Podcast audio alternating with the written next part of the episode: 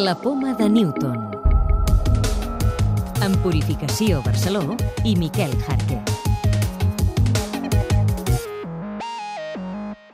Avui a l'espai de Ciència de Catalunya Informació visitem el superordinador Mare Nostrum al Barcelona Supercomputing Center. Aquest és el so dels seus processadors que ocupen 120 metres quadrats a la capella de la Universitat Politècnica de Barcelona. Té 50.000 processadors i pot calcular 1.000 bilions d'operacions per segon. Però per què serveix un supercomputador? Mateo Valero es el director del Barcelona Supercomputing Center. Pues el supercomputador se utiliza a través de la ley de Newton, por ejemplo, para ver la, la evolución del universo. Pero a nivel de ciencias de la vida, un problema muy importante que es cómo se pliega una proteína.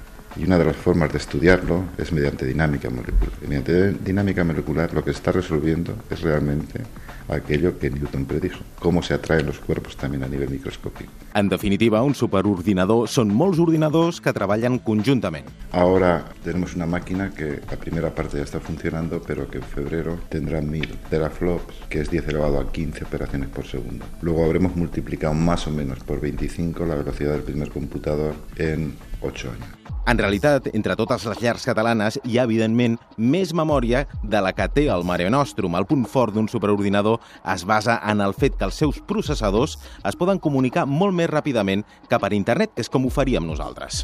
Qui el fa servir? Bàsicament, científics i empreses que necessiten una gran capacitat de càlcul. El Mare Nostrum ha col·laborat en el projecte Gaia i participa en un mapa en tres dimensions de la Via Làctia.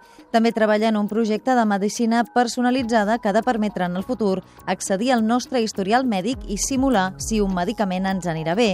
Concretament, el Mare Nostrum ha treballat en la simulació d'un cor artificial en col·laboració amb l'Hospital de Sant Pau i la Universitat de Barcelona que permet simular operacions quirúrgiques. El Barcelona Supercomputing Center té un equip multidisciplinar que treballa, per exemple, en Repsol per descobrir nous jaciments de petroli. Participa en un projecte per la millora de la qualitat de l'aire. També col·labora amb el doctor Bonaventura Clotet per optimitzar els tractaments de la sida. Ara, altres notícies en format més breu aconsegueixen que ratolins totalment secs recuperin la vista. Científics britànics han aconseguit restaurar la visió de ratolins totalment secs amb una injecció a l'ull de cèl·lules fotoreceptores. L'equip de la Universitat d'Oxford afirma que la investigació està basada en tractaments que podrien ser utilitzats en persones amb malalties oculars degeneratives. La crisi espatlla el semen. Especialistes de l'Hospital Sant Joan d'Alacant constaten un augment de més del 200% en les consultes d'esterilitat i en les inseminacions artificials. L'estudi relaciona els problemes de fertilitat amb l'actual situació econòmica. La clau de volta. Avui ens preguntem per què cal que els instruments de corda s'afinin dins la sala del concert. Sílvia Pujalte, doctora en telecomunicacions i professora de l'Escola Universitària Politècnica de Mataró. Perquè l'afinació depèn, entre d'altres coses, de les dimensions de l'instrument. Per exemple, en els instruments de corda, depèn de la longitud i el gruix de les cordes.